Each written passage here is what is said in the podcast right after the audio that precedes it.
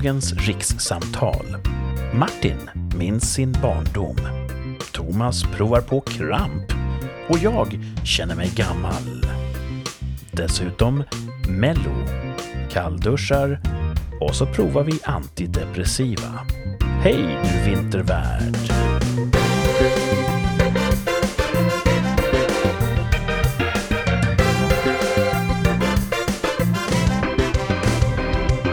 En gång i tiden kunde man ringa rikssamtal. Det var lite dyrare och alltså lite finare. Sen tog man bort det. Nu är det gratis att ringa precis överallt. Och det är gratis att lyssna också på det här rikssamtalet eh, mellan mig, Kurt, som sitter i södra Sverige, och med Thomas och Martin som sitter i mellersta Sverige. Välkomna tillbaka! Tackar. Tackar, tackar. Vi har ju kört det här nu ett tag, eh, det vi kallar för ett rikssamtal. Vi sitter och snackar lite grann en gång i veckan. Mhm. Och alla får lyssna. Ja. Och, eh, Mm. Det känns som före och efter varje sändning, om vi kan kalla det för det, så har ju vi lite, lite eget snack. Och då säger vi alltid det här borde vara podden. Eh, Men det kanske är tur att vi inte har utvecklats i den riktningen riktigt än. Jag tror inte världen är redo. Nej. Eh, Så ni får väl höra något tillrättalagt i alla fall. Men det som hedrar oss är att vi har väldigt få klipp i våra Mm. avsnitt. mm. Ehm, Man får intrycket av att många andra poddar, de redigerar ganska hårt. Vi är den nakna sanningen. ja. Mm. Om vi redigerar så är det av tekniskt strul liksom. Ja, vi har haft lite sådana där, där tekniken inte har varit på vår sida. Då har vi varit nödgade att klippa ihop olika versioner. Men eh, mer än så har det inte varit. Eh, det ni hör, det är den råa sanningen. Och på tal om rå sanning. Veckan som gick. Hur var den för er? Ja, jag kan köra. Eh, Kör. Vi har ju blivit begåvade, eller som blessed by jättefint väder här uppe i Stockholm. Mm. Det har varit eh, mycket ljusterapi. Um, så det är lite härligt under tre minus sådär. Har det varit. Perfekt. Och det har varit snö, ganska mycket snö. Så det ger ganska mycket. Det är ljust och härligt. Ehm, och... Det eh, låter som någon som pendlar till och från jobbet kanske har en annan åsikt. Ja, alltså... Nja, beror på. Det, det kanske var lite krispigt ibland sådär. Det var lite, ja, 6-7 minus sådär. Då kanske inte så kul om man cykelpendlar, men om man åker bil så tror jag det är ganska det är bra. Det har inte varit några problem för kollektivtrafiken. Ibland blir det ju lövhalka och snöhalka och sånt där. Nej, det har funkat. Mm, Nej, det har funkat. Ja, då, så. då är det bara härligt. Mhm. Skulle du säga att det här är toppen från veckan som gick? Ja, bland annat. Mm. Absolut. Ja. Vad var det som var värst då i veckan som gick? Eh, alltså, den här veckan har det blivit jättelite sömn. Party, party! tre, tre, tre dagar på raken så vart det tre timmar per natt. Och det är så här, inte sammanhängande utan det är så här lite spridda skurar. Jesus. Why? Eh, så att jag, i, i torsdags så trodde jag att när det skulle bli fredag så trodde jag att det var torsdag. Alltså jag, jag missade en hel dag i veckan. Det bara försvann. Så sa dottern sa så här, vilken dag är det imorgon? Ja, det är torsdag. Och då, nej men det är ju fredag, pappa säger här på kalendern. Så att, jag bara, nej, nej, nej, nej, nej, det är, det är torsdag imorgon, jag är helt säker. Och sen så fick jag ju stå mitt kast. Men varför sov du inte? Fredag. Vad sa du? Varför sov du inte? Ja, det är lill, lilldottern som håller på och härjar. Men nu har Ah. vi gjort lite förändringar. Vi har eh, eh, möblerat om hennes rum så man kan liksom li- sova i en säng bredvid ifall det skulle behövas istället för att ligga på golvet. det är inte så skönt. Jesus. Så att, eh, ja, så om hon krånglar nu så kan man gå in och lägga sig där då. Slipper hon komma in till oss och ligga i vår säng och där hon inte hon sover så bra heller. Så Och det är ju bara en fas. det är en fas. Man får intala sig det. Ja, men det är klart det är en fas. Men det är inga konstigheter. Det är bara sådär, det är lite jobbigt och man blir lite konstig i huvudet mer än vanligt. Jesus, ja. Hur sover du, Thomas? Strålande. Din, din, din sovfas är just nu inne i, i Det är ett strålande nu. läge. Ja, exakt. Ja. U- Ursäkta att jag hoppar ifrån Martins eh, botten okej. här, men eh, Den var inte så grov. på tal om eh, sömn, köpte inte du ett sånt där, eller fick du ett tyngdtäcke, Thomas? Jaha, ja, precis. Det är lite grann på allas läppar nu det här med ett tyngdtäcke som eh, väger... Det finns olika vikter man kan köpa på beroende på hur avancerad man är. Ja, beroende på hur mycket man själv väger tror jag. Jaha, Mm. det ska vara Mhm. rättvist. Ja, lite så. Man ska ha en chans. Man ska ha en fighting Jaha. chance att ta sig ur sängen. Det kan bli Eh. farligt om man så att säga, är, fastnaglad vid, Ja, vid ja, något. kan jag anta det. Men Eh, är är det så härligt? Ja, det är grymt. Eh, Använder du fortfarande eller har du liksom... Jag har, kommit över ja, jag, jag har ju rätt mycket in, in, in Thomas house we have a system. Eh, och det är att på vintern har jag vintertäcke. Tyngdtäcket har jag vår och eh, höst. Och så har jag ett sommartäcke. Så just nu är det Oj. vintertäcket som gäller. Du firar verkligen att vi har årstider i Sverige. ja.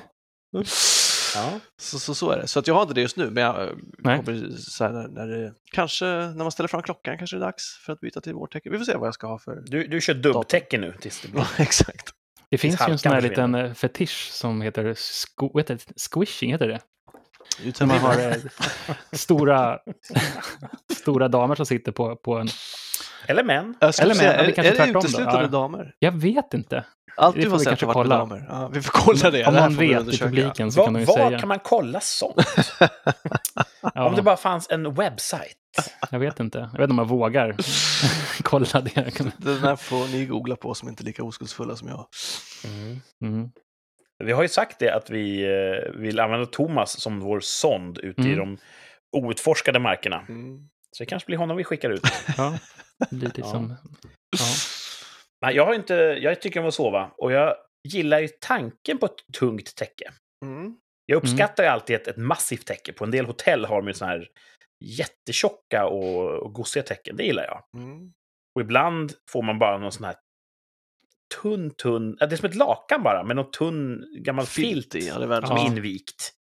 Och det ligger och sladdrar runt benen. Nej, det känns inte premium. Så jag tror jag, jag kan vara målgruppen för tunga tecken, tror jag. ja, du gillar ju att sitta med en kudde i, i knät när du Ja, sitter ja, i soffan alltså- och sover. Sådär. Skrevkudde är det bästa som finns. Man sitter och kollar på tv, man lägger en så stor kudde som möjligt över sin eh, här, buk, Mm. bäcken, area. Jag vet inte varför. Ja, Det men jag tycker något, också eh, det, det funkar. Det är, det är något primitivt tillfredsställande i det. Mm. Och det står jag för. Ja. Eh, men Thomas, då, vad Nej, men var vänta, din men topp? vänta, vänta. Hade Jaha. vi, fick, jo, men fick Martin berätta klart sin topp och botten? Var botten, Botten var sömnbrist va? och, tö- Ja, toppen var vädret? Ja. Ja. All right, okej. Ja, bra. Jag kan lägga till en, en, en, en toppen till om ni vill. Såklart. ja, lägg till mer topp. Det är eh, Kurt och Thomas, det är toppen. Ja. Man kan ibland ta varandra för givet. Och man liksom, man, ska man, man, ibland så känner man att man gör det och så känner man så här, "Men man ska inte ta varandra för givet. Och så får man säga, ja, mm, Thomas och Kurt är bäst. Du det är en bäst, topp. man. Åh, tack. Vad intressant att höra, för att jag tar ju aldrig er för givet. jo, det är klart man gör. Och jag förstår precis vad du menar. Ja, men liksom man Ja. vet att ni finns där, ett samtal bort. Mm. Men ja, det Ja, Mm. grymt. Minst en gång i veckan. mhm, Ja. tar vi varandra för givet. Ja, precis. ja, det var bra. Ja. Fint, tack. Detsamma. Mm. Men nu måste vi gå vidare. Ja. Thomas, vad har du för topp? Får jag börja med, med botten? Ja, Jag det jobbar du. gärna nerifrån och upp. Eh, botten är munskydd. Mhm. Jaså? Ja, eh, början av, eh, hur ska vi se, hur var det nu? Ett par dagar före jul tror jag vår handlingskraftiga regering sa att vi rekommenderar att man börjar med munskydd fyra timmar per dag i kollektivtrafiken Ja, just det. Alltså, ja. under rusningstid när det är som farligast eller vad det nu kan vara, mest folk. Eh, men, och, men ni får också två veckor på er att smälta det här så vi behöver inte börja med det förrän 7 januari. Det får inte vara för effektivt. Nej. Nej. Eh, och så var det en massa foliehattar som hade haft munskydd före det. Eh, alltså före den här rekommendationen kom, alltså även före när de sa att de skulle införa det. Bland annat Som jag, till exempel. Ja, och, och jag. Mm. Eh, så det var, jag skulle tycka det var intressant att se hur många fler som kommer ha det nu från och med den sjunde. Sjunde var en torsdag. Jag märkte ingen skillnad. Mm. Och tänkte jag, på måndag, då kommer folk ha munskydd. Marginellt fler. Och fortfarande nu då, så är det tio dagar efter att de införde rekommendationen, eller restriktionen, vad man nu vill kalla det. En förkrossande majoritet har fortfarande inte munskydd. Men, men reser du i en faktisk eh, rusningstrafik eller en upplevd rusningstrafik? Förklara gärna skillnaden. Ja.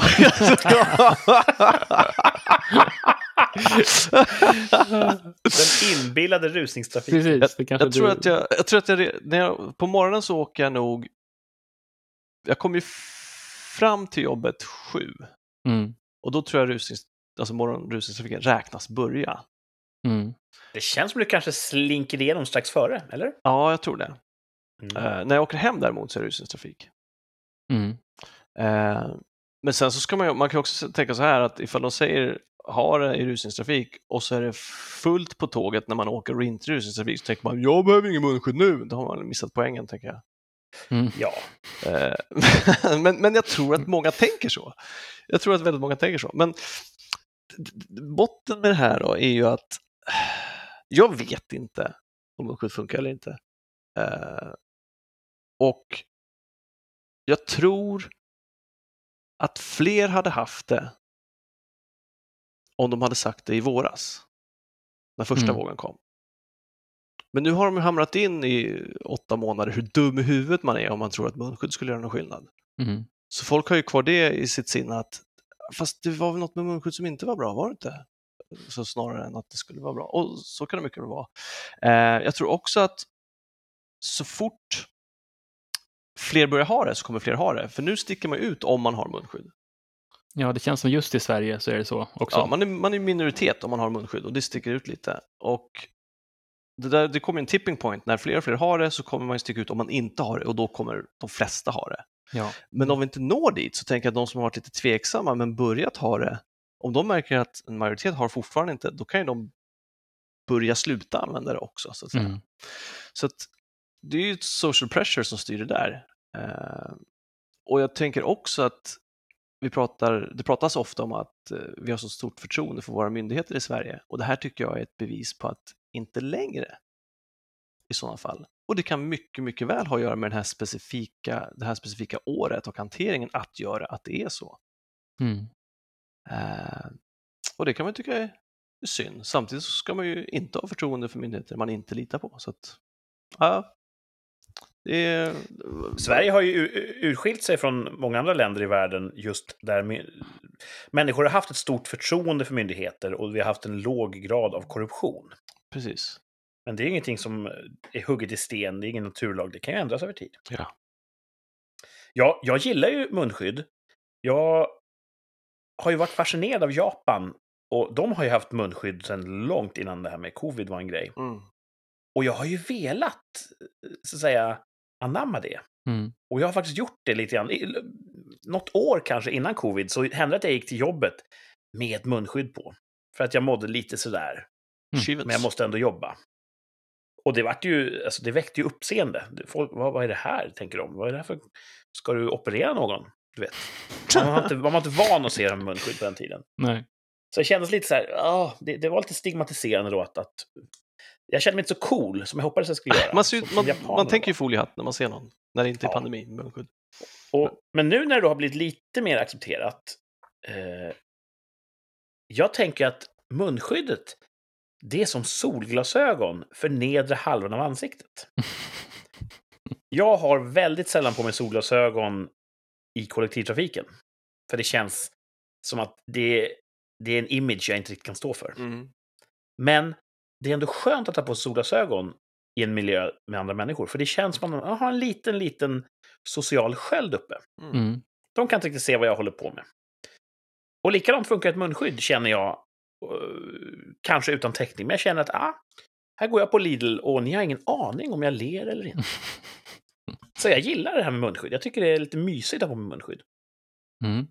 Men då har jag också ett så här kvalitetsmunskydd i tyg som är säkert inte särskilt effektivt, men det, det känns bra. Mm.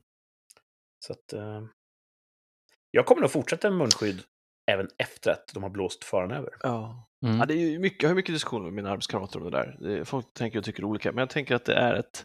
Jag blir glad när jag ser andra med munskydd, även innan jag hade det. Eh, För jag var inte först med det på något sätt. För att man visar, det är som att man håller- håller upp dörren för någon. Mm. Man visar att man Mm. bryr sig lite om andra. Tycker jag. Eh, Ja. Och det är fint att se att folk gör det. Det är synd att det är så få. Och botten är då att det, det, det, det funkar inte i kollektivtrafiken. Ja, lite så, precis. Ja. Och, jag och, förstår och, precis vad du och, menar. och så kan man ju tycka, jag, det här vi, förra veckan tror jag vi pratade om hårdare tag och nu är det så att man fick ju en vecka, fan, två veckor på sig att skaffa munskydd om man ville, men det skulle också finnas på vissa ställen i kollektivtrafiken. Jag tror det skulle finnas vid varje station ja, då, eh, och hållplats. Och de är inte skyldiga att förse folk med, hand, med munskydd, men snacket var ju att om någon har glömt så kommer det att finnas i kollektivtrafiken. Jag tror att det finns på Odenplan och Centralen. Så att, Mm. så att har man glömt måste man först ta sig dit kollektivt för att hämta sitt munskydd och sen åka vidare. Och det är också så slapphänt. En Mm. del försökte driva en linje att vi kan inte införa munskyddskrav för att då måste vi också förse folk med munskydd. Var, var, Men jag menar, så, det är inte tillåtet att vara naken i tunnelbanan, Nej. Man men de måste, förser oss inte med långbyxor för det. nej, exakt. Nej, det finns mycket, Ibland är vi kanske lite väl omhändertagande om vår befolkning. jag tänker det. Mm. Men, Eh, men det är min botten i alla fall. Eh, och nu låter det som att jag är en foliehatt med munskydd och grejer och så, som, som fyller, följ, följer alla restriktioner. Men min, min topp är att jag åkte och spelade volleyboll i en inomhushall med sand. Oj, Mhm. Eh. Kerstin. Eh, men jag höll ju avstånd, alltså de var ju, jag har inte bjudit på några restriktioner. Men Nej. Jag, har ju låt, jag har slutat gå på gymmet med, under pandemin. Men, men det, Mm. det här tänkte jag ändå, det är, man är fyra per plan och det är en stor plan och det är en stor hall så att jag kör det. Ja, Beachvolley har man inte spelat på år och dag. Det är kul, men det är sjukt jobbigt alltså. Att spela på Yes! sand. Ja, Fötterna. den är ju en faktor. Mm. Ja. Den är, den är trögtrampad. ja, och att man är trött i fötterna. Sjukt trött. Och jag har inte Mm. spelat på många, många år. Jag, förut så, på somrarna åkte jag ner till Lillsjön och spelade mycket och Grönudden då vi växte upp. Varje sommar så var jag där hela sommaren och spelade några år. Mm. Men egentligen har jag inte spelat sedan dess sådär. Eh, Så det var intressant att se var nivån låg. Och den låg bra. Det, Mm, du hävdar dig. Det var som att cykla. Ja, det, det gick bra. Det var skönt. Ja. Det var ju svårt i början för jag körde också, det är andra regler i beachvolley mot eh, inomhusvolley som jag körde. Och det, det var ju det som var det svåraste, att på reflex så kör jag fingerslag Mm. på servermottagning och över nät och det får man inte. Mhm. Får man inte köra fingerslag? Nej, det är för jävligt. Det är bara på passen du får köra fingerslag. Så att det, det, det, det tar tid att vänja sig vid. Eh, Ja. Men toppen var i alla fall, jag körde tre och en halv timme körde jag. Oj! Ja, visst. Och då hände någonting som inte har hänt mig förut. Och det var att jag fick kramp. Jag har aldrig fått kramp för Jag har fått kramp i triceps när jag körde längdskidor någon gång. Men nu fick jag kramp i stora lårmuskeln. Och det var Ja det sjukaste jag varit med om. Det var helt, jag kunde inte, det kom ju, det slog ju till någon gång. Eh, och så fortsatte jag köra, för om jag, om jag höll, höll, höll benet lite böjt så kunde jag fortsätta köra. Eh, men när jag glömde mig och sträckte på dem, och framför allt när jag skulle blocka eller smärta, när jag hoppade så, så högg det till. Och sen så, när det var som värst, så, så kom jag inte upp. Jag hoppade, jag kände hur det krampade, jag landade, faller ihop och benet som ett sendrag i princip sträcks ut rakt. Jag kan inte böja det och det gör ondare och ondare och ondare. Och jag sitter där lite rädd över hur jag är nu, men jag tänker jag måste bara använda viljestyrka, eventuellt också böja benet med, med, arm, med handkraft. Liksom. Eh, och till slut så fick jag det i böj och det var jävligt intressant. Eh, så kunde jag sträcka ut igen och se så att det låste sig igen och fastnade och sådär. Så där höll jag på ett tag och, och, och undersökte. Ingen gång tänkte du, nu har jag spelat klart. Nej, för jag tänkte, jag vet ju inte, men jag har ju, har ju verkligen ingen aning, men jag tänkte, det, det gör väl bara ont, det är väl inte farligt. Så tänkte jag. Det finns ju Mm. ingen manual för det här. Nej. Alltså det var, Ja, jag, man kan inte spela fotboll som jag har gjort utan att få kramp. Alltså det, det har jag haft jättemånga gånger. Och det är fan. ingen angenäm känsla. nej det gjorde Det är som att en del av kroppen helt plötsligt bara viker ihop sig och, och packar ihop. Ja, Och det gör ju ganska ont. otroligt intressant. Mm. Det var kul. Ja. Idag på hockeyn var det, en- apropå det här, en medspelare som slog axeln ur led. Oj. Och då fick han ju poppa in den igen. Och innan han fick in den så gjorde det ju ohyggligt ont. Och det har jag förstått också. Jag har aldrig fått en axel ur led. Mm. Men jag har förstått från Dödligt vapen eh, som vi så att säga ger en hommage till i vår bild. Dolph Lundgren ligger oss nära, nära om hjärtat. Ja, man förstår ju att det gör jätteont där på eh, Ja, Martin ja. Riggs. Jag fick, Men eh, har, har, ni, ja. har ni poppat axeln någon gång? Nej, alltså jag, jag spelade ju volleyboll eh, inomhus ganska Mm. mycket förut ett tag. Och då eh, brukade jag nästan så vet jag, luxa armaxeln lite grann så att man, man smashar och så hoppar den lite grann. Eh, det gör jätte, vad heter det? subluxation och sånt där. Det är så här, man, man slår inte ur ledet, men man bara hoppar och sen tillbaks igen. Och det är Hade den typ halvvägs ut och så hoppar den in Ja, igen? precis. Det har jag gjort några gånger. Och då är man ju lite körd för den kvällen. Det gör ont alltså. Ja, men när det gäller sendrag, eh, ehm, en gång satt på ett plan och så skulle jag liksom sträcka mig ner i gången, jag tappade någonting. och så kände jag så här hur det började komma i axeln, precis, eh, eh, vad heter det, deltoids, vad heter det uppe vid, precis nere i, ja på skuldran liksom där uppe. Ja. Ehm, där började det smärta till. Så jag skulle bara sträcka mig, det var en centimeter till liksom. Jag skulle bara sträcka till och så bara ökar och ökar det tills det som gjorde så sjukt ont. Det är väldigt distinkt smärta i, i axeln. där. Men det, Lyckas du hålla fattningen på ett flygplan fullt med folk? ja, det gjorde jag. Det är ingen anade vad, vad, som, vad du upplevde där och då? Nej, men det tog några, det tog några minuter sen så, så, så sjönk det ganska snabbt. Men det gjorde sjukt ont. Det var en ordentlig som kniv in rakt i axeln. Ja. Så man kunde ju lätt ha, bara, nu, nej, jag skiter där, jag tar det där senare, eller tar mig och knäpper upp bältet. Jag behöver inte sträcka mig som en jäkla fällkniv här, liksom ner mellan sätena. Och Min erfarenhet är just att kramp kommer när musklerna är tömda. mm. Det är en fysiologisk respons på kunde ju att det, det är slut på ett visst eh, ämne där. Så att, eh, och efter tre och en halv timme så är det väl inte så konstigt. Nej, det kom ju tidigare. Så jag hade, jag hade, Många säger jag så här, har du hade, jag druckit hade vatten? över en timme kvar när jag, vatten? när jag spelade. Så, jag- Magnesium, får du i dig nog med magnesium? Ja, jag köpte det. Eh, jag, jag köpte en sån här dricka Samma med magnesium på, på kväll, alltså där på, på stället, Mm. Ah. Okej. eh, när jag var klar. En sån här injicerare rakt in i muskeln. Ja, det hade skönt. Men magnesium, det hade jag ju när jag fick den här lilla krampen i triceps när jag körde längdskidor. Och det funkar ju. Det släppte ju nästan direkt. Det var ju fantastiskt. Ja, du tog det alltså som en akut... Eh, för att avhjälpa felet akut. Ja, då ja. Men inte... Jag tror det var att man äter det som en del av en balanserad kost för att... Så att säga, Ja, det ska du också göra. Men du, du kan ju ta det så. Precis, om du får. Mm. Jaha, Jaha. coolt. Det sa de aldrig när jag spelade. Tuggtabletter, magnesium, eller vad fan det var. Det var gott. Ja. Gott också. Ja. Ja, då, det är ju en bonus. Ja. Ja. Men härligt topp, spela beachvolleyboll. Du hittade tre eh, polare där, eller Det var hur mycket folk som game? helst där. Så du gick dit för ett pick-up game alltså? Så man, eh, de hade roterande... Mhm. Men, men, men toppen var framförallt krampen, vill jag säga. Okej, Det var okej. det som var toppen. För att du fick uppleva det. Ja, Ja, nu är det lite, lite visare. precis. Mm. Ja. Coolt. Ja, det är- ju... Det är väl en topp, antar jag. ja. Mhm. Ja. Jag har eh, också fått lite vinter faktiskt. Mhm. Och det är min topp. Wey! Det var i lördags, tror jag. Eh, när eh, kylan drog in här. Eller redan på fredagen så drog det in rätt så sträng kyla med skånska mått mätt. Det var en minus fem kanske. Mm. Och Skåne är ju speciellt för att det är så otra, otroligt lokala vädervariationer. Det kan eh, spöregna och så kör du bil i fem minuter så är det strålande solsken. Och så kan det variera sedan genom hela landskapet. Så en halvtimme norrut, där var det verkligen full vinter. Det var någon dess på marken. Mm.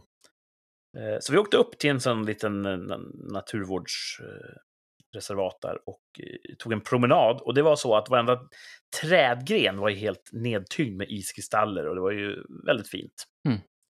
Och så var det kallt och härligt och vi gjorde en sån marsch på någon halv mil. Och sen grillade vi korv. Mm. Så jag fick ju lite vinter ändå. Och jag fick sladda lite med bilen. Så eh, det var min topp.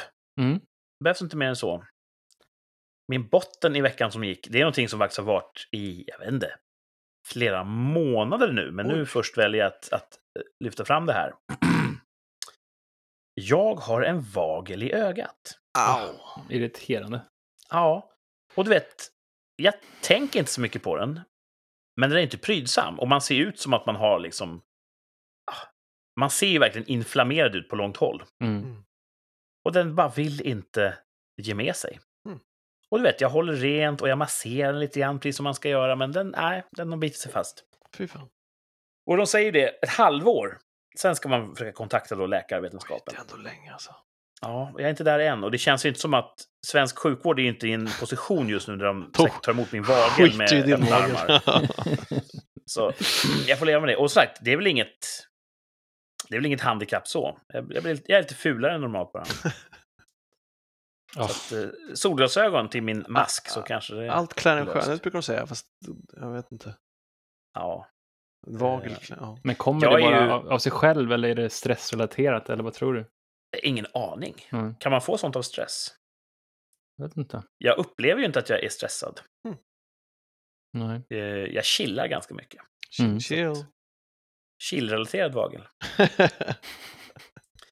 Däremot... Eh, det var kul att du nämnde beachvolleyboll. För återigen, vi har ju det här astrotrillingskapet oss emellan. ja. Jag eh, återupptog badminton. Just det, Yes. du nämnde ju det. att Din förra vecka, eller förra, förra veckan, så var det ju att du Linda trackat ett fel. Man kunde ju ana där. Exakt. Att det var någonting på gång. Det var en liten teaser. Mm. Mina barn då, 10 och 13 år gamla, de är ju som alla barn i den åldern i behov av att röra på sig. Mm. Och det är svårt med alla Minecraft och Snapchats och sånt där som de har för sig. Så då sa jag det, de har byggt en helt ny fin sån paddelhall nära Mm. där jag bor. Tänkte att det låter ju väldigt populärt. Kanske vi kan gå dit och slå lite bollar och eh, man är ju en bur så att då kan de inte skada någon annan. Så eh, det ville jag prova. Gick in på deras bokningssida och de skulle ha 550 spänn för en timme. Och när, hade, när chocken av det hade lagt sig, då såg jag att den var i princip fullbokad. Från fem på morgonen till midnatt varje dag. Jesus. Poppis. Och då tänkte jag, jävla överklasssport. Vi åker och spelar badminton istället. Jag betalar inga 550 spänn. Så då började jag lira badminton. Och det var kul, för jag lirade ju det som, som, som grabb. Ja. Jag med. Eh, ja, gymnasieåldern lite tidigare. Och eh, då skulle jag lära barnen då, så här funkar badminton. Så började jag lära ut att ja, man, man servar härifrån och dit. Du får bara poäng på egen serve. Eh, och så vidare och så vidare. Och så körde vi ett träningspass. När jag kom hem så jag var lite osäker på det här med server ut, så jag, jag slog upp det på nätet. Och då visade det sig att de har ändrat badmintonreglerna. Visste ni det? Nej. Nu får man poäng oavsett om man har servern eller inte. Jaså. Så det är poäng på varje boll. Mm. Och det har de ändrat. Och när jag såg när de ändrade, då kände jag mig jättegammal. De här reglerna ändrades 2006. Ja. Det var alltså 15 år sedan. Oh, Och då insåg jag- nej. Jag har ju inte spelat badminton på över 15 år. Nej. Och det är väl närmare då ja, 25 år när man tänker efter. Mm. Och då tänkte jag, jävlar vad jag är gammal nu. Ah, men du kunde fortfarande? Rätt Du kan ju spöa barnen i alla fall. Eller? Ja, än så länge. Men de har en, en, eh, en rätt brant kurva uppåt här. De, de utvecklas snabbt. Så att Ja, jag har inte riktigt den forna spänsten och kvickheten kvar. Mm. Mina power smashar kan man bara komma så långt med. så att, jag känner mig rätt gammal då faktiskt. Mm. Ja. Vi är ju det. ja men du känner ändå att du, du hävdar dig på sanden? Ja, det var skönt. Ja. Det var skönt. Dels var det skönt att jag orkade så länge, dels var det skönt att jag hade lite kontroll och kraft kvar. Mm. Mm. Gött. Ja, vad gött. Vad... Ja, Nej, jag, jag, jag, jag har också äntligen kunnat gå och panta. ja just det. Berätta vad som har hindrat dig. Ja, så min pant, vad heter det, kasse har ju är ju svämmat över, svämmat över. Så jag går ju då och då och kollar utanför Coop och det sitter alltid en lottlös människa där, kan vi väl säga. En, en tiggare, säger man så? En del skulle säga tiggare. Ja. Och jag tänker, jag kan inte gå förbi där med mitt överflöd av upptryckta läskflaskor. Och han säger, och kanske jag kan få den? Nej, nej, nej, nej, nej, nej, nej, de här har jag köpt och druckit upp i mitt anletes svett och konkat hit. De här är en krona per flaska ska fan jag ha. Så du är rädd för det hypotetiska fallet att han ska fråga om dina flaskor? Mitt hypotetiska dåliga samvete över det snarare. Att Mm. han inte kommer få några flaskor. Eh, så jag kan inte gå dit när han sitter där. Och idag så satt det ingen där. Så jag rusade hem igen och hämtade burkarna som jag fick bära. Jag fick bära kassen med två händer för annars så trillade de ur. Och fyra gånger så tror jag trillade ur en liten burk som jag fick böja mig ner på knä och lägga in min flaska igen. Fort, fort innan någon uteliggare kom och tog den. Exakt, och så fick Ja. jag ju- och så tänker man att vara på lunch och satt sig där igen. Vad fan, går jag tillbaka med den här kassen? då? Nej, då, då får jag väl... För så länge jag går förbi och han inte är där, då är jag inte en dålig person. Förutom nu då när jag berättar om det så är, blir det uppenbart att är, är det. Eh, men jag kunde äntligen, äntligen kunde jag panta och jag tror att det inte bara är jag. För det var kö till pantautomaten både framför och efter mig. Antingen är söndagen den stora pantadagen eller så är det då dåliga människor går och pantar för att slippa dela med sig av sina tomma läskburkar till folk som inte ens har ett hem. Det här låter ju som ett toppenupplägg för ett Seinfeld-avsnitt. ja, det är det kanske. Ja. Men, Eller eh, Solsidan, lite Ove. Pantad och klar. Och jag blev för... Det stod också att nu kan man inte få kontanter längre för kvittot. Mhm. Man kan handla för det. Och jag har ju ett system. Så att när jag pantar så brukar jag säga trisslotter så långt det räcker och så cash för resten. Eh, och då tänkte jag, fan, kan jag inte göra det längre? Kommer de säga, ja det, det blev 27 kronor så att det blir inte ens en triss. Ska jag behöva toppa upp då och säga, ja, men pantkvitto tre spänn så får jag en triss. Men, eh, men det visar sig att om, om man handlar så får man tillbaka på det man kanske Jaha, är så man kan inte bara gå in och ta ut... Du måste typ köpa ett tuggummi så får du pengarna. Ja, tydligen då. För jag tänkte ju att då får man väl inga pengar alls, för annars så köper man ett tuggummi och får pengar. Men tydligen, det gick bra i alla fall att köpa. Är det Men- riktigt lagligt det? För att det är någon sorts affärs... eh, när man köper flaskan för konsumtion. Då betalar man den här kronan i pant Exakt. under löfte att jag får tillbaka den kronan. Ja, just det. Och det känns ju som att man ändrar då villkoren. när- Nej, du får inte tillbaka kronan. Det är en bra fråga då. Mm.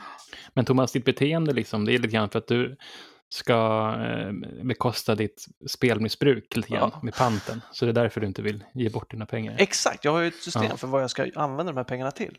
Mm. För bli ännu rikare förhoppningsvis. så, att,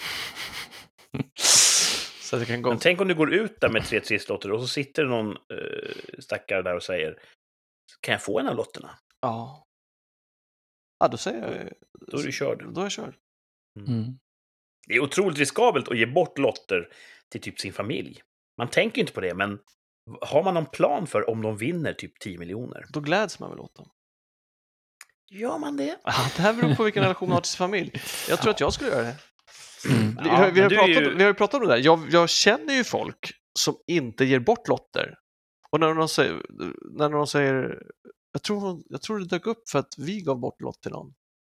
Och så, men ger du bort en lott? Ja. Men tänk om det är vinst då? som om man gav bort något till en fiende och då får ju den absolut inte vinna. Men då, då... Men det är den omvända psykologiska modellen från det här med postkods... Ja, ja, visst, exakt. Mm. Som bygger på att det vore väl tråkigt om dina grannar vann. Exakt, exakt. Man spelar på den lite ganska låga mänskliga kvaliteten. Verkligen. Man, man är lite ogin. Verkligen.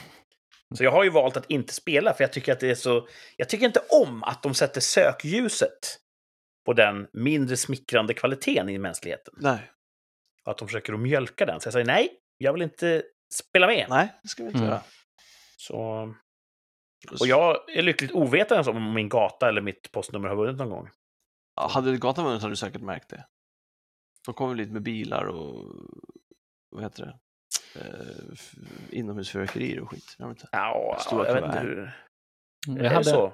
jag, har, jag har jag har en bekant, bekant kan man säga. Det är en, eh, det var en vän till min far som vann ungefär, jag tror att väldigt många miljoner på sånt där Oj. postkods, alltså snacka 30 miljoner eller något sånt där, det var ganska mycket. Och då kom det ju, hon fick ju vara med i tv då. Ehm, så då kom det ju folk knacka på sen sen och sa, tja, jag ska ha pengar av dig för att du du har mycket pengar. Ja, ja, de, du passar på. Ja, ja, de letade upp vem hon var då. Det stod ju då liksom. vilket namn, hon var ju namn och efternamn. Ja, eh, Jesus. förnamn, Det efternamn. finns så förslagna människor alltså. Ja, det var en helt, ett helt gäng var det som gjorde det. Mm.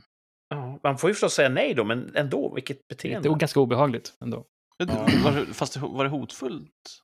Nej, men det kan väl säkert lätt bli det då. Så, man blir ju, ja, man kan ju bli eh, kidnappad och utpressad och vad som helst. Jag vet, man Ja, vet inte vad som kan hända. Ja, i dagens Sverige. Mm. Mm. Usch och fy. Ehm, men du fick pantat i alla fall. Ja, Så nu är du, nu är det tomt i kassen. Nu kan du pantat, fylla upp två igen. triss och sju spänn. Det var inte mer alltså? Inte mer. Ursäkta att jag är lite dömande, men mina pantrundor brukar ju generera kanske 200 spänn. Oj då, då har du mer än Jag en dricker ju otroligt mycket Coca-Cola Zero. Pant för sällan, uppenbarligen. Ja, det också. Men nej, jag, jag ska inte recensera din, eh, din pantinsats. Ja, jag var nöjd tills nu då. Men jag förväntar mig bara, efter en sån här också- uppbyggnad, att du, du bar runt på Krösus skatt i Ja, en pantform. kasse var det men den var ju för stor så att det trillade ur.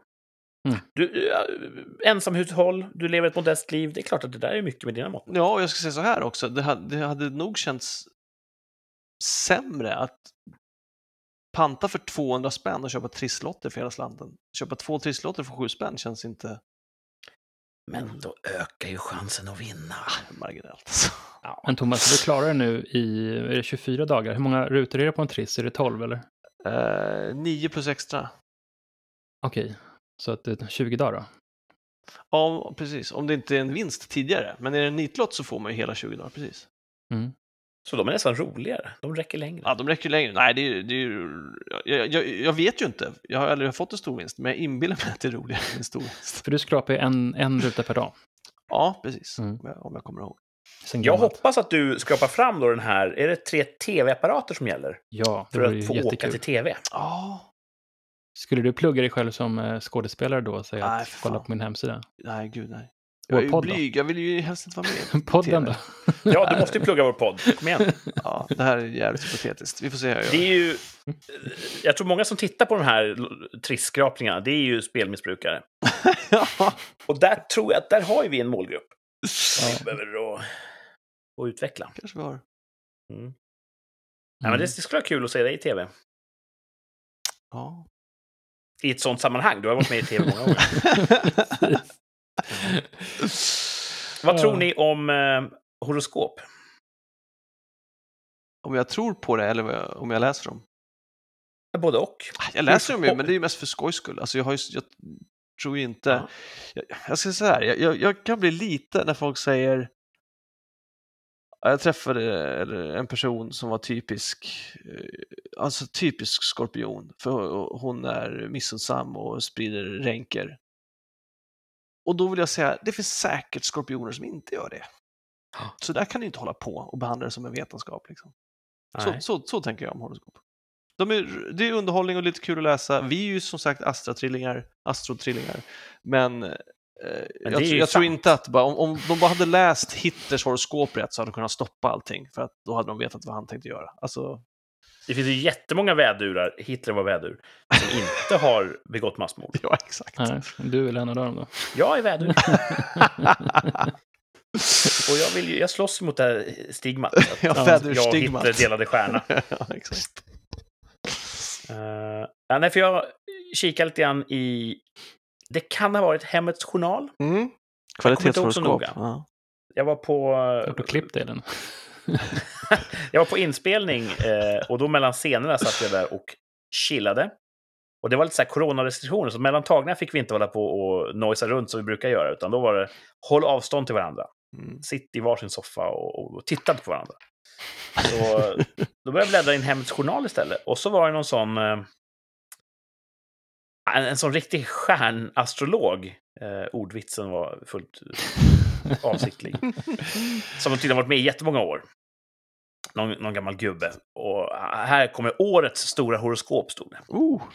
Och vet, jag tycker också det är kul att läsa. Det är lite grann som när man får en, en lyckokaka Ja. på kinesrestaurangen. Att, du vet, det är klart att det inte betyder någonting, men om det står det kommer gå bra. Ja, Känns det trevligt, bra? Trevligt. Mm. vet, man, man kan rollspela att det faktiskt funkar. Ja. Så jag började läsa där och eh, jag läste då för väduren och stod att det kommer gå bra nu. Eh, kärlekslivet kommer eh, funka jättebra. Wow. Eh, om du har någon så kommer det att eh, blomstra och om du inte har någon så, så är det någonstans i Vattumans-trakten du kommer att uppleva någon ny romans nu. Mm. Intressant. Och sen när jag var klar med väduren tänkte jag, jag måste ju kolla de andra också. Se om Alla de har det bättre eller sämre. Ja, jag kollar alla. Okej. Och så läste jag nästa. Och det var ungefär snarlikt. Det kommer gå bra i kärleken och så. Men om du inte har någon, då kommer du träffa en vattuman. Äh? Och när jag hade läst sex stycken så framgick det att alla hade då sin eh, potentiella kärlek i en vattuman. Vattumännen, de kommer skörda den här månaden alltså? Eller Ja. veckan, eller vad det är? Dels var det fascinerande att, att sex av tolv, och jag, jag slutade läsa där, men sex av tolv har ju smooth sailing på kärleksfronten om de är i ett förhållande redan. Wow. Så skilsmässostatistiken kommer ju att, att eh, sjunka. Ingen kommer misslyckas enligt den här eh, superastrologen. precis. Men så tänkte jag, ja, men de som inte har någon, det finns ju sådana också, de kommer träffa en vattuman. Och då kollade jag på vattumannens horoskop. Just Och det. då stod det så här. Om du träffar någon ny i den här perioden så kommer det inte att hålla. Nej! jo. Så det är ju sex andra stjärntecken som går mot besvikelse. Och han hade inte hjärta att droppa det i deras horoskop, utan man får liksom man får korsreferera med Vattumannen för att åh fan, jag kommer ha någonting men det kommer gå åt helvete. Ja, exakt. Åh, fantastiskt roligt. Så jag vet inte ifall det var någon omtanke eller någonting, eller om det bara är bluff och han var lat och bara ställde in skridskorna på... Ah, det var astrologi. Det mästerligt. känns alltså. som du har sett ett copy-paste där liksom. Placeholders. Åh, vad roligt. Så, eh, ja. Men eh, i- stort skulle det gå bra och affärerna skulle gå bra, så det är, det är, det är bra. Bra, Mm. good for you man. Det stod ingenting om, om, eh, om vädurars poddverksamhet skulle Nej, blomstra eller det inte. stod inte. Jag tror man får, för så specifik stjärnläsning får man då ringa de här eh, 071-numren. Det får man Ja, göra just pröjs det. säga, helt klart. Ja, Det låter logiskt. Eh, vi kanske ska göra en sån crowdfunding för det. Ring och ta reda på framtiden för rikssamtal. Exakt. Ja. Ehm, jag har hört en liten fågel som Mm. säger att Martin har förberett en topp 5. Oh, Mm. Ja, Mm. stämmer det? Ja, det stämmer. Vad spännande. Topp spännande. 5 då eh, kräver ju ingen större introduktion. Det är en topp 5-lista. Ja. Ja. Vad, vad är det för ämne? Alltså, jag blir lite nostalgisk. Det blir fem minnen från min barndom. oh. Nice. Eh. Rangordnade eller bara fem värda minnen? Det, det är nog fem värda minnen skulle jag säga. Mm. Eh, vi kan börja på femte plats. Eh, när man liksom gick hem och från till skolan så det var ju... Det fanns ju inga mobiltelefoner. Eh, och vi började gå ganska tidigt från skolan där jag och grannarna, eh, eller grannen, det var ju två stycken tvillingar där som bodde, inte till stjärntecknet utan de var tvillingar. Eh, Vet vi om de var tvillingar också rent astrologiskt? det måste jag faktiskt utreda. eh, men vi gick hem och så kunde det ta en timme för man hittade någon slags vitsippeställe någonstans och så plocka blommor. Och, ja, eh, morsan var i lite upplösningstillstånd när man kom hem, men det var ändå liksom en härlig... Man kunde gå hem från skolan då utan att vara speciellt orolig. Eh, Ja. och sen kommer jag ihåg när jag gick när jag skulle till skolan, jag var kroniskt sen i, i gymnasiet. Det var ett definierande attribut hos dig, att du alltid ja, kom jag, högröd scen med så här kedjeolja på fingrarna. Exakt, jag tänkte precis säga det. Och det hade hänt någon gång att jag faktiskt kletade kedjeolja för jag sa att den hoppade. det var faktiskt en teori vi andra hade. ja, det, jag, jag använde inte alls ofta, men det hände. Det hände. Mm. Eh, jag var ju så här kroniskt alltså sen och så var jag uppe jättesent på kvällarna och nätterna och pluggade eller satt med datorer och sånt där. Eh, ja, så det är lite sådana minnen där. Och sen har vi på fjärde plats, eh, då var det en sommar där ehm, min, min systers kompis pappa, det är lite så här, men han hade en videobutik som de la ner. Och sen så tog de alla filmer och stoppade ner i källaren i såna här billigbokhyllor ungefär. Så det fanns ju, du vet så här, tio jättestora bokhyllor med film. Du vet, Rambo, du vet, hela kittet det fanns där. Alltså Och så- hemma hos uh, hemma i deras kompis. källare. Och vi fick Coolt. fri tillgång till den källaren. Åh, Eh, och eh, så hade de så här movieboxar också som vi fick låna då, innan vi hade video, eh, videobandspelare. Så det var en sommar där vi spenderade med att kolla på typ, tre, fyra filmer per dag. Det var ju helt magiskt. Åh. Ehm, Jag hade ju kompisar med parabol. Mm. Och då spelade de in ibland filmer på VHS-kassetter. mm, Och så fick man låna dem. Och det var ju, det var ju lyx alltså. mm. Men det låter ju som att ni hittade den heliga graalen där. Ja, det var... Ja, det var som en, en definierande sommar. Man, liksom, ja, där fick man verkligen eh, många timmar in i filmträsket där. Ehm, och sen trean kan vi köra här. Att, vet, såna här somrar, nu känns det som att semestrarna tar slut ganska fort och det, sommaren känns väldigt kort och man, ibland så behöver man nästan semester från semestern för att ja, det är inte alltid enkelt med familjeliv och springa efter barn. Det är inte så avslappnande. Men vi åkte ganska mycket båt i ungefär i gymnasieålder. Ehm, mycket, vi kan kalla min kompis Skägget, kan vi kalla, kalla, kalla honom. Ja, just det. Skägget. Eh, Skägget. Vi åkte väldigt mycket båt. Han hade en båt och vi hade en båt, så vi körde lite sådär. Eh, då körde vi mycket wakeboard, mycket bad och eh, sådana fantastiska somrar. Man, kom, man, man tankade upp båten med 20 liter soppa så räckte det liksom hur länge som helst. Alla kunde åka tills de var helt slut. Eh, brorsan, jag och, och Skägget var ute och åkte ganska mycket. Var ni med då i den tidsepoken och körde båt? Jag, har är ju åkt eh, wakeboard efter förmåga Ja. med er. Ja, just det, det har, nu fick jag en Ja. bild i huvudet. Ja. Jag har också kört en annan kompis. Eh, Jag tror inte att jag hade värdigheten med mig Ja, men jag, he- hela tiden när jag åkte. Ja. Mm. eh, Jag tror skägg, skägget, det är inte omöjligt att, att skägget lyssnar faktiskt. Nej, jag tror jag vet att han lyssnar. Så att, Hej skägget! hej skägget. Vi saknar dig och vi tänker på dig. Ja. Uh, och sen, det här går lite hand i hand med den. Uh, på andra plats, uh, som egentligen också, det, här är ingen, ingen egentligen eh, topplista, utan det är bara fem minnen som sagt. Men vi hade ju vår källare, vår liksom, gillestuga. Vi pratade om den förut i ett annat avsnitt där vi, där vi hängde. Det var ju ett kungadöm. Barnen hade en hel Ja. våning för sig själva. ja, undervåningen i källaren, liksom, där, där vi hade våra rum och tv-rum. Och så har jag ju världens bästa mor som man kom hem med kompisarna och så satt man, "Ja, är ni sugna på någonting, vill ni ha fika? Så hörde man det på trappen sådär. Uh, ja, har ni, är ni hungriga? Ja, ja, men det är väl liksom, så, så tänker man inte mer på det. Så kolla på någon film, kolla på Vänner eller något sånt annat eh, som gick på tv då.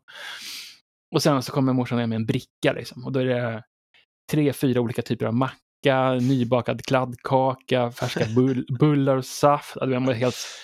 Ja, jag tror Jon, oj, skägget, han sa att han ville bli adopterad någon gång där. Alltså jag minns ju också, det, att vara hemma hos dig, det var ju en all inclusive upplevelse innan man visste vad all inclusive var. Det var ju, det var ju Ja, otroligt min, min härligt. mamma är fantastisk. Mm. Ehm, så det är också sånt här skönt minne. Ehm, och sen ett, på första plats eh, så kommer då när vi, vi började, tror jag var i eh, högstadiet att skriva manus, du och jag Mhm. Kurt. Ja. Och sen så, vissa blev manus blev film. Eh, och vi satt och skrev på din gamla Toshiba och en sån här med orange monokrom skärm. Eh, vi kä- käkade cheddar popcorn och lyssnade på lokalradio. Eh, och det är som i början på en epok där med mycket film. Vi spelade in film, vi blandade in alla kompisar, det var härliga dagar. Och Det mycket la såna där- grunden för min karriär. Och till viss del också Thomas, vill jag, vill jag tro. Man vet aldrig, men det, någonting kanske det finns där. De bästa manusen är ju ännu ofilmade. Ja, vi har ju faktiskt en stor manusskatt som ligger Ja. i molnet. Eh, Jag har ju också så otroligt varma minnen av just de där somrarna ja. som kändes eviga. Och när vi liksom... ah, vi satt och skrev manus och eh, helt utan någon riktning. Det bara skedde i nuet. Det var otroligt trevligt. Mm. Som vuxen så blir allting så uppstyrt och Ja. målmedvetet. Och mycket tråkigare också. Ja. Den här eh, laptopen vi skrev på, det var min farsas jobbdator. T3100, heter den det? Ja, precis. Ja. T3100E. Den, eh, Judgment Day. den finns ju kvar. Den står här någonstans bakom mig, tror jag, i mitt rum. Mm. eh, i, en, i en väska. Den var med som en typ rekvisitadetalj i en film vi gjorde på mitt jobb. Där vi ville ha en sån liten throwback till 90-talet. Då Nice. startade jag upp den och den funkade. Wow. Och alla manus låg kvar. Jag kunde ju bara hojta igång Word Perfect 5.1 och, och läsa våra gamla manus. Det var ju nästan så att man blev tårögd. Så ja, Ja, det var första platsen. det är första platsen. Och jag Vilken kan slänga in... härlig... Jag, Ja. jag känner att jag har ju levt mig in i din topp 5-lista, för jag, jag, jag förstår ju precis vad du pratar om i varenda punkt. Ja. Och sen har jag en till topp topp också. Eh, som kanske är mer sån här liten, jag hoppas att den ska hända igen. Ja. Eh, och vi, det har varit lite rutin på att eh, hemma i Thomas familj, att när Thomas fyller år på slutet av sommaren, så brukar hans mamma göra langos. Just, Det är ett kärt minne, de är så sjukt goda. just. Eh, så att jag hoppas att det händer Ja, det får vi snart igen. försöka. Fan, försöka vi får bjuda det. hem oss själva där och återupprätta den traditionen. Jag bara Försöka säger att det är ett skönt minne, sen så får vi se vad, vad, vad som händer med det jag har Ja. berättat det. Mm. Bara lägger den där, så får Jag lägger den. upp den. Du vet var vi finns. Ja, precis. Mm. Mm. Ja, det var länge sedan vi åt langos hemma hos eh, Thomas föräldrar. Ja. Mm. Hon gjorde Langos. glutenfria till mig, jag som är sån här glutenmupp liksom. Och då blev Ja, man just det. Fantastiskt. Ja, det Men det är ett bestyr att hålla på med langos, det är olja och... och Ja, det är svårt att göra. men eh, så många. gott. Och för mig, eh, ett definierande minne för mig var ju innan Martin upptäckte att han var glutenintolerant och åt gluten. Och det var ju som en kemisk fabrik som Ja, skenade. Härligt. Det var jätteroligt. Mm. För oss andra. Ja, för dig tror jag mest. Ja. Det är också intressant där du säger det här med att man gick hem från skolan och så vidare. Och vi pratar ibland om det där. Jag upplever ju inte att det är inte en tillvaro vi ger våra barn. Mm. De rör sig inte alls lika liksom, sorglöst i samhället. Och, framförallt så om de ska iväg någonstans, då har de ju mobilen med sig. Och Mm. den är ju förstås spårad. Mm. Och jag vet inte om det nödvändigtvis händer så mycket mer hemska saker nu för tiden. Men man tror att det ska göra det om man är Mm. väldigt rädd om dem. Ja, jag Så tänkte samma tanke. Är, är vi, eh, i vår generation, 70-talister, eh, 80-talister kanske också, eh, lite mer eh, skyddande? Jag vet inte. Var våra föräldrar inte rädda om oss? Det, det var ju så här, man låg på hatthyllan i bilen och Ja, liksom chillade och skulle man krocka skulle man bli värsta projektilen eh, genom framrutan. Vi kanske är lite mer, starkt uttryck, lite mer hysteriska i hur vi, vi skyddar våra barn. Men en det känns, kanske skulle vara det känns främmande att, att göra någonting annorlunda där, för att saker kan ju hända, det vore synd. Mm. Mm. Men ja, absolut, det där att, att röra sig planlöst i ett, eh, i ett tryggt och, och varmt samhälle. Ja. Det hade man velat kunna ge sina barn. Mm. Mm. Eh, vi får bygga vårt gated community som vi alltid pratar om. Där Ja. Måste vi tvinga alla att vara snälla. Ja. Mm. Vilken härlig topp Ja, 5-lista. grym Ja, lista tack. alltså. Nostalgia. Mycket bättre än den topp 5-listan jag hade förberett, som vi då får Kör köra nästa nästa vecka. vecka. Den, den är inte alls i närheten av att vara lika, lika rolig bra. Men den, är, ja... Ska jag spoila? Nej, nej, jag nej, hörde inga spoilers. Mm. Alltså. Inga spoilers. Ni kommer bli förvånade, tror jag. Ja, kul. Ja. Kul Ja. att bli förvånad. Ja, precis. Du får Ehm. lyssna på listan och det kommer inte bli what happened next. Eller? Precis. Vill ni höra nästa veckas lista? In och betala. Mm. Eh, vi tar och går vidare till en annan väldigt kär programpunkt. Och jag kan redan nu höra hur ni börjar vrida på er. För det, det är dags för två av tre. Det är vår lilla hustävling. Ja. Eh, Hur gick det förra går till- veckan? Förra veckan gick det bra. Förra veckan var det ju en dubbelseger för er. Hade glömt det. Jag ville höra om det. Otroligt skickligt. Och eh, det är nog inte helt omöjligt att ni följer upp med ännu en succé. Vi får Ja, se. Den här, Ah. den här kan vara... Den kan slå åt bägge hållen skulle jag säga. Mm. Två av tre bygger på att jag kommer säga tre stycken saker, namn, företeelser. Och bara två av dem är sanna. En är falsk och ska bort. Och ni ska Mm. lista ut då vilken det är som ska bort, vilken Just det är som inte är sann. Eh, den här två av tre är lite speciell, men den faller ändå inom formatet. Mm. Idag ska vi tävla om två av tre antidepressiva. Okej. Eh, jag kommer säga tre stycken antidepressiva, Mhm. men en av dem är en Tolkien-karaktär. Det är alltså inte en antidepressiv. Okej, okej, okej. Ehm, så jag kommer säga tre stycken namn som skulle kunna vara anti antidepressiva, men det skulle också kunna vara en Tolkien-karaktär. Så vilken-. Vi- Vilken av de här ska man då inte ta om man är deprimerad? Först har vi Sintamil. Mm. Sen har vi Narmasil. Och slutligen Elronon.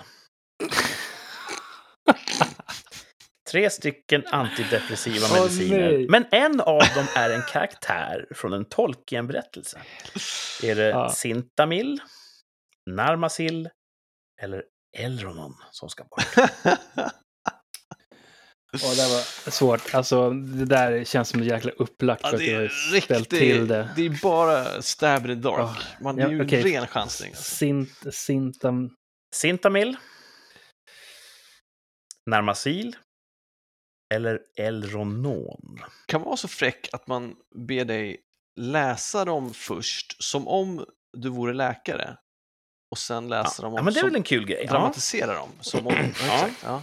Då, då kör vi den här då. Mm. Ja, jag kommer att eh, skriva ut lite psykofarmaka här. Eh, du kommer få tre doser Sintamil. Sen kommer jag följa upp då med en uh, gång i veckan kommer du få ett ämne som heter Narmasil. Och så avslutar vi då med två doser Elronon för att komma till rätta Ja, med dina vanföreställningar. Här. Allt låter som läkemedel. Hjälpte det? Ja. Ja, lite. Men eh, alltså, jag tror att... Allt kommer ställas på sin ända, för nu vill jag ju höra det som om du läste eh, ljudboken Okej. Sagan om Tolkien. Solen gick upp över dalen och Sintamil spände sin båge. Pilen låg stadig, men Narmasil ropade till. Stopp! Ser du inte att Elronon står i skottriktningen? Fan alltså. Alltså, jag Mm. tror att... Jag får gissa. Jag tror att du har... Det är lite grann poängen. Ja, men alltså, bara hur det här kom, kom upp.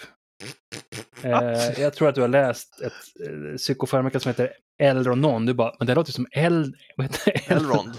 Elrond. Ja. Precis. Och så bara, det låter ju precis som Sagan om ringen, vad roligt. så tror jag. Så att jag tror att den... jag tror att Okej, den... Sherlock, you Ja. got me! Varför skulle han läsa på om psykofarmaka? Är inte det mer sannolikt att han läser Tolkien? Han läser ju Tolkien, eh, alltså nu. Det vet jag. Jaha, okej. Åh, fuck, jag hörde fel. Men jo, men jag, jag sa nog det du sa. Jag, bara får se, jag, jag kommer ihåg vad du sa, så det, är säkert rätt. Mm. Eh, Det är ju faktiskt ingen spoiler att det finns en karaktär som heter Elrond. Mm. Det, det är ju så Ja, etablerat. det, och det är därför jag, precis som Martin, tror att Eldronon är hittepå, eller i, i, inte hittepåt. Ja. Va? Jag ser jävla Nu, nu står vi här igen. förstå reglerna. Alltså, det som mest låter som ett Tolkien-namn är Elronon och därför tror vi att det är en medicin. Och har jag förstått Ah. rätt då, Martin? Mm. Mm. Ja, Smart. precis. Ja, precis. Jag tänker att den första är Tolkien-namnet. Sintamil. Stavas det med Z eller S? S. Sintamil, säger man. Okej. Alltså, det känns, jag vet inte varför, men det känns som att ibland så använder de Z, typ Soloft. Ja, ja, Ja, det här är bra radio. närmast. till. Okej, så du tror, Thomas, du tror att det är den Sintamil som ska bort? Ja. Okej, men då säger jag Narmasil då. Narmasil ska bort. Ja. Det är en Tolkien-karaktär. Men ni är överens om Elronon? Ja, om inte du kör den här jävla dubbelbluffen, att du vet att eftersom, eftersom det låter som Elrond så är det säkert den vi tror Ah, det är en trippelbluff. Ja, vi får se. Äh, men det, jag, jag kör. Jag, jag står mitt kast. Det måste man göra.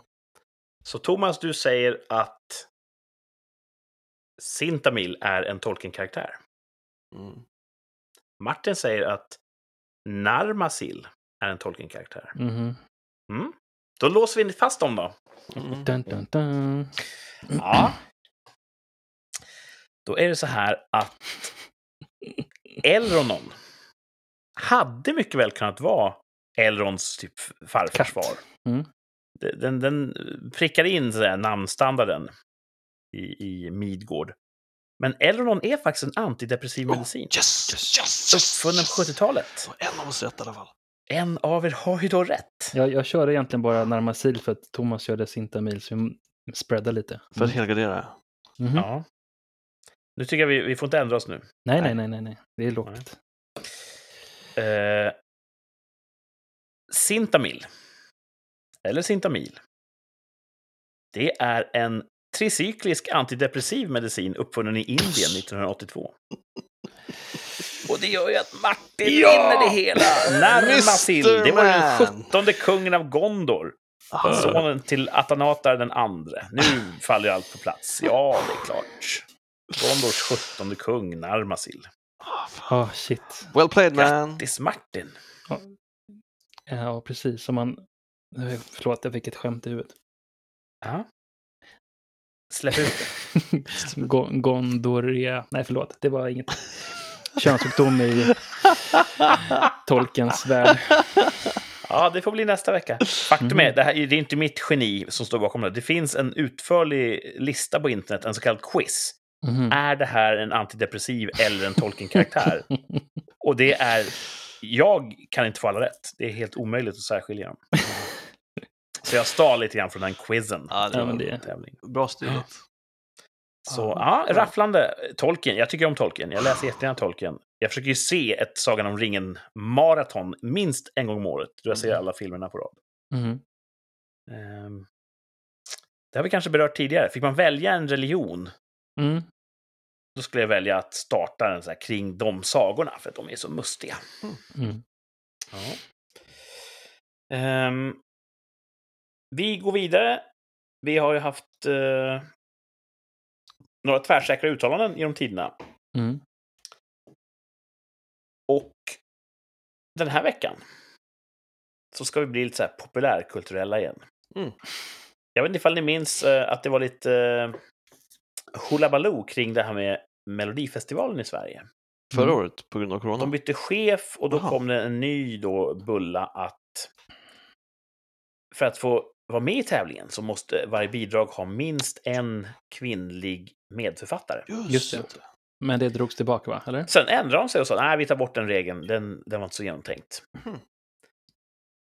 Så nu frågar jag, kommer vinnarbidraget i svenska Eurovisionsuttagningen 2021 vara helt eller delvis skrivet av en kvinna? Ja. Thomas säger ja, direkt bara. ja. Varför Mm. tror du det? För att det, alltså, nu, har, ju- det här, nu gissar jag en som vi brukar göra när vi pratar religion. För att det är Men det är bra att du säger det tvärsäkert, för det är ju poängen med, det är ju själva premissen för Ja, den här. precis. Men jag inbillar mig att det är en hel del kvinnor som är. Var det, som hade skrivit bidraget, sa du det? Ja, helt eller delvis skrivet av Helt kvinna. delvis. Jag tänker att det är en hel del kvinnor inblandade, så att, att gissa är minst en 50-50 chans. Eh, så jag säger ja. Ja. Jag tänk, nu ska inte jag säga emot, så kan det mycket väl vara. Jag tänker att om det hade varit 50-50, hade de känt sig nödgade att införa en sån regel då? Det skulle inte förvåna mig. Ja, precis. En del har ju eh, sin ideologi eh, så, så nära att det nästan förblindar dem. Mm. Martin, då, vad tror du? Ja eller nej? Ja, det är lite 50-50 tror jag. Men jag, jag kan väl säga killar då. Eh, bara killar. Så det, nej, det kommer inte vara någon tjej med. Det blir ett nej. Nej till tjej. Mm. Och då kan man säga så här, nu är jag lite ful och börjar analysera era svar. då kan man säga att då ger du dem rätt. Att utan en sån regel så vinner inte tjejer. Medan Thomas säger, tjejer behöver ingen dum regel. De kommer kunna vinna ändå. Är det korrekt? Ja, ja, ja exakt så tänkte jag. Nu lägger jag ord i era munnar här. Men det blir så bra när jag gör det. Mm. Mm. Jag tänker säga nej. Och det här har vi pratat om tidigare, men kanske inte nödvändigtvis i vår podd. Jag kan ju inte göra musik. Men jag har en bild av att de som kan göra musik, de har spenderat sina formativa år, sina tonår, vid musikutrustning. De har stått i replokaler, de har suttit framför sin synt och programmerat den och de har så här försakat socialt umgänge. Mm. Eh, och det är ganska vanligt att framförallt unga pojkar gör det, att de, de meckar moppe eller de eh, eh, spelar rollspel eller de står i en musikstudio och vevar. Och långt från alla lyckas, men en del gör det för att de just har investerat timmarna. Mm. Och jag tror att det finns en snedfördelning vad gäller låtskrivare i Sverige. Jag tror att jättemånga låtskrivare, framgångsrika sådana, är män. Just för att pojkar investerar den tid som krävs. Mm. Så jag tror att det finns någon sorts an... det finns en poäng med att ha en sån regel som försöker utjämna lite grann. Samtidigt är jag själv personligen emot en sån regel, för jag tycker att det finns väl inget hinder för unga tjejer att gå in i repstudion och, och programmera syntar. Alltså, stoppa in tiden som behövs, Mm. så blir ni också framgångsrika. Jag tycker att tjejer är för bra för att behöva en sån här handikappregel. Jag tror att de skulle kunna vara precis lika bra om de bara gör arbetet. Mm. Mm. Så det, det är det jag vill säga, gör arbetet. Sen kan man ju tycka ibland att det är lite folk mer eller mindre godtyckligt som slängs in som kompositörer och medkompositörer. Och... Jag vet inte hur mycket de har suttit med, men ehm, Jag har ingen aning. Jag vet Nej. att Gesson Ja, han- är med överallt. jag undrar om han bara är med för att... Nej, jag vet inte. Så för namnets skull, om han verkligen har suttit där och rattat. Liksom.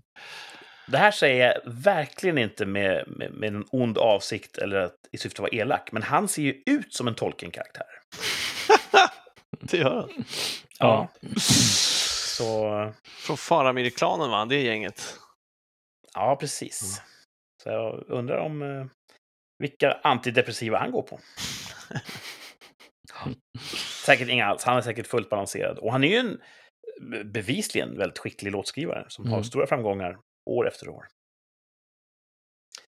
Tänk vad rafflande om Thomas Gesson helt plötsligt, som många gör nu för tiden, börjar identifiera sig som kvinna. Ja. Mm. Får vi äta upp då? Jag och Martin har ju sagt nej. Eh, måste vi då erkänna nederlag i den här frågan? ja, det blir ju se. intressant alltså. Ja, Mm. får vi se. Vi noterar att Thomas säger ja, Martin säger nej, jag säger nej. Mhm. Huruvida vinnarbidraget i svenska Eurovisionsschlageruttagningen kommer vara helt eller delvis skrivet av en kvinna. Facit får vi ju då, vad är det, maj? När den här går av stapeln? Jag har ingen aning. Det är du som är mell- det melloexperten av oss. jag vet inte fasen. Alltså. Jag brukar ju alltid följa uttagningarna och finalen och sådär. Mm. Och ibland så händer det att jag kommenterar vad jag tycker Det på sociala medier. det gör du. Det gör du ganska ofta. Det kanske blir en, ett temaavsnitt på podden också. kan det bli. Mm. Ja. Kan det bli. Ja. Eh, Jag tänkte också, eller f- förra veckan ja. så pratade vi om, vi frågade våra lyssnare om de kunde förklara oss skillnaden mellan Walla och Inshallah. ja. Just det. Eh, och då var det en lyssnare som tipsade på Instagram om en sida som heter Slangopedia där man kunde kolla. Ja, just det. Så jag Mm. kollade det. Mm. Eh, och jag tror att det var, var det Martin, var det du som sa Jag svär vid Gud. Svär vid Gud, ja precis. Och det är det som står här. Jag Mm. svär på vid Gud eh, på arabiska. Och så står det någon som har skrivit en förklaring då, walla. Ifall man säger ett påstående och sen lägger dit walla, då får man inte ljuga. Ah. Så det är Mhm. någon, och så har ett exempel då, då. Nitade du Morgan? Ja, fan. Nej, du ljuger. Jag gjorde det. Walla. Walla, svarar den andra. Så det verkar också, be, alltså också bekräfta. Då är det avgjort. Eller bror, Mm. eller ja, liksom. Och sådär. Eh, Så jag, jag slog Ahmed, säg walla, walla. Det är sant. Det är sant. Mm. Typ. Men jag, Håller det i en domstol? hur då? Som löfte? Menar du? Ja, ja, du menar, Ja. do you swear to say the whole truth, nothing but the truth? Nej, men du vet så här, begick du brottet? Nej, walla. Ja, jag- jag förklarar den här domstolen som upplöst. Han sa walla, så att det är avgjort. Det tror jag inte. Nej. Jag tror fortfarande... Jag vet inte hur det går till i domstolar, men jag tror att förutom vittnesmål så har man väl också teknisk bevisning som det heter. Så jag tror Jaha, inte att det är ett. Mm. get out of jail free card. Liksom. Som de säger i Seinfeld när de säger Your honor, my client did want the front seat. Well, did they call it? No, but case closed. Precis. jag tror inte det är så. Däremot så fanns det inte Inshallah, som, som jag, eller jag vet ju inte alls hur man uttalar det. Eh, Betyder det- det ske Guds vilja? Ja, eventuellt, men det fanns inte med på den här sidan. Så att jag har inte kunnat Nej. undersöka det. Men vi fick i alla fall svar på det. Tack, lyssnare. Ja, en av våra, en av våra eh, mest ivriga och uppskattade lyssnare gav det här tipset Absolut. på vår Instagram. Precis. Och där kan ju fler lägga sig i debatten. Vi finns ju då på den sociala medieplattformen Instagram. Och där heter vi Rikspodd med två Mm. D. Så då kan ni söka där på Instagram och hitta oss. Och man får jättegärna följa, kostar ingenting. Och eh, vill ni ha någonting så kan ni skriva där i Mm. kommentarsfältet eller som ett så kallat direktmeddelande. Just. Så, och det händer, vi lägger ut ibland poster mellan avsnitten också där vi eh, uppviglar eller, eller informerar. eller, ja. Så om man tycker att det här är trevligt att lyssna på, då kan ni gå in och titta på saker och ting också på Instagram. Mm. Och vi är jätteglada för alla som hör av sig. Det är jättekul när det Ja. plingar till där. Så. Eh, så innan vi då syr ihop den här säcken så ska vi ha en utvärdering av Martins utmaning. Ja. Hur har det gått? Vad hände förra veckan egentligen? Ja, vi körde en utmaning att vi skulle köra en kalldusch. Att man börjar med lite varmt, mysigt. Och sen så kör man kallt i slutet. I början så kör man kortare perioder, typ 30 sekunder, och sen så höjer man det där lite.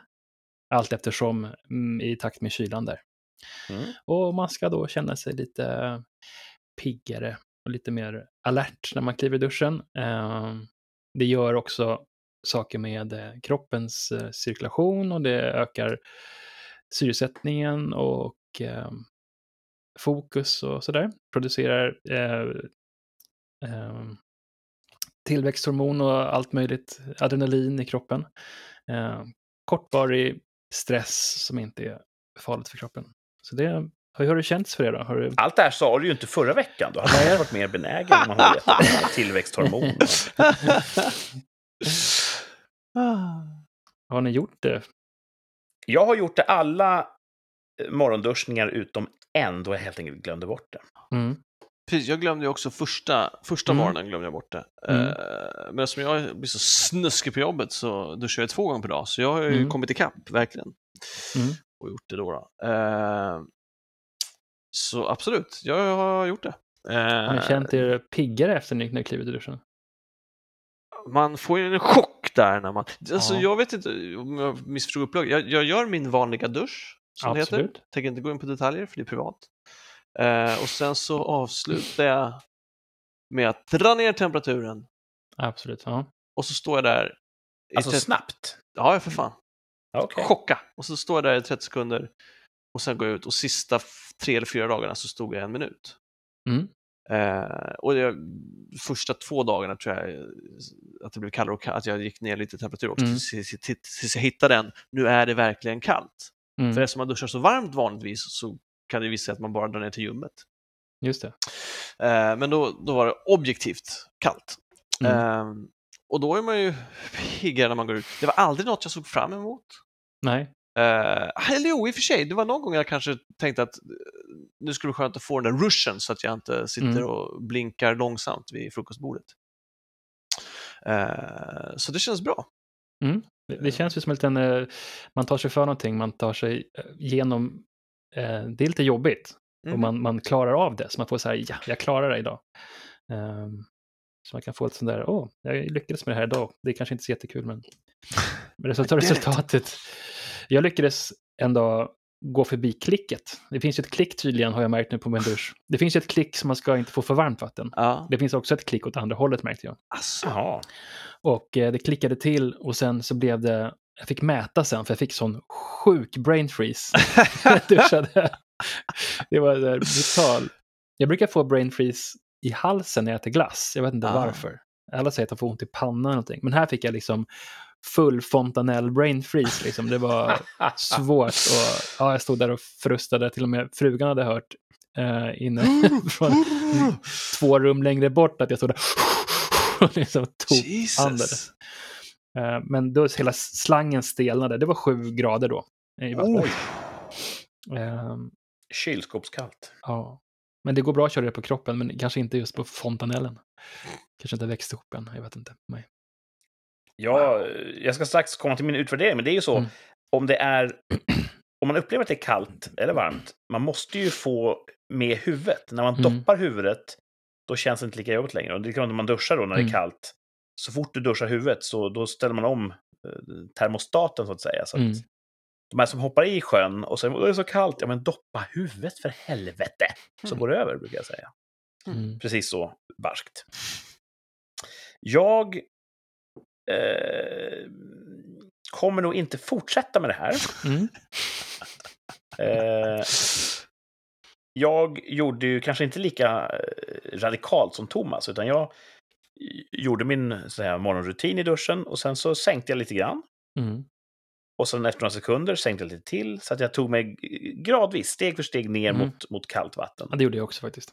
Och det blir kallt och så står man där och det jag kan ge det är att det är inte så påfrestande som man hade trott. Alltså det var Nej. ganska uthärdligt att stå där i, i kallvattnet eftersom man tar just de här stegen ner. Då kanske man går miste om lite av effekten, men jag, så gjorde jag.